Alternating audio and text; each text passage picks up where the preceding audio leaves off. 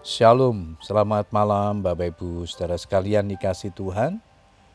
Kita bersyukur malam hari ini kembali kita berkesempatan untuk berdoa dengan keluarga kita setelah sepanjang hari ini kita menikmati segala kebaikan Tuhan.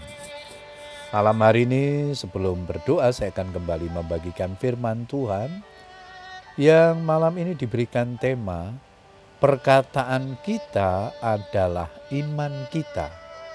Ayat mas kita di dalam Lukas 6 ayat 45, orang yang baik mengeluarkan barang yang baik dari perbendaharaan hatinya yang baik.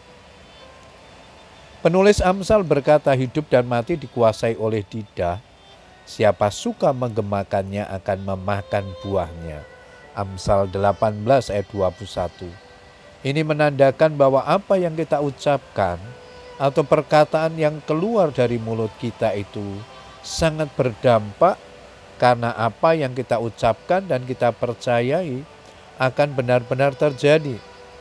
Tuhan Yesus berkata, "Kalau sekiranya kamu mempunyai iman sebesar biji sesawi saja, kamu dapat berkata kepada pohon ara ini, terbantunlah engkau dan tertanamlah di dalam laut, dan ia akan taat kepadamu. Lukas 17 ayat yang ke-6. Karena perkataan kita itu sangat penting, maka kita perlu memastikan bahwa apa yang kita ucapkan itu sesuai dengan apa yang Tuhan katakan melalui firman-Nya. Memperkatakan firman Tuhan adalah cara yang sangat baik untuk membangun iman kita. Sebagai orang percaya, setiap kita memiliki kuasa atas kehidupan atau kematian, kemenangan atau kekalahan, berkat atau kutuk, melalui perkataan kita setiap hari. Mari perhatikan apa yang senantiasa kita ucapkan atau gemakan akan sangat menentukan masa depan kita. Perkataan kita cerminan dari apa yang ada di dalam hati kita sendiri. Karena itu, kita harus mengisi perbendaraan hati kita dengan hal-hal yang baik dan benar. Jadi, akhirnya, saudara-saudara, semua yang benar, semua yang mulia, semua yang adil, semua yang suci, semua yang manis, semua yang sedap didengar, semua yang disebut kebajikan dan patut dipuji, pikirkanlah semuanya itu.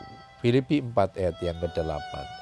Mengucapkan yang benar akan memberikan pengaruh yang baik dalam setiap area kehidupan kita. Karena itu kita harus menjaga perkataan iman kita.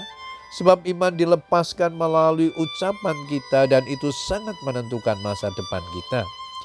Ketika Musa mengutus 12 orang untuk mengintai negeri Kanaan, hanya Yosua dan Kaleb yang memperkarakan hal-hal yang baik sebagai perkataan iman.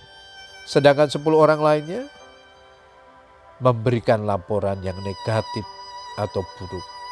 Seluruh rakyat justru terpengaruh dengan laporan yang negatif itu sehingga mereka tawar hati dan menolak untuk memasuki negeri itu.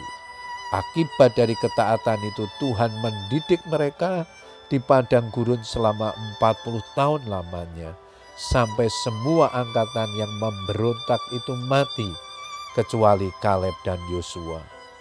Bapak Ibu Saudara sekalian, bangsa Israel mengalami kegagalan karena lebih percaya kepada perkataan-perkataan negatif daripada perkataan-perkataan yang positif dan membangun iman. Puji Tuhan, ialah renungan malam hari ini menolong kita untuk terus kita membangun kehidupan iman yang benar dan berkenan di hadapan Tuhan dengan memperkatakan perkataan-perkataan yang positif, perkataan-perkataan yang membangun, perkataan-perkataan yang di dalamnya iman percaya kita kepada Tuhan dipertaruhkan.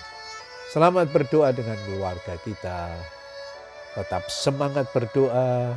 Tuhan Yesus memberkati. Amin.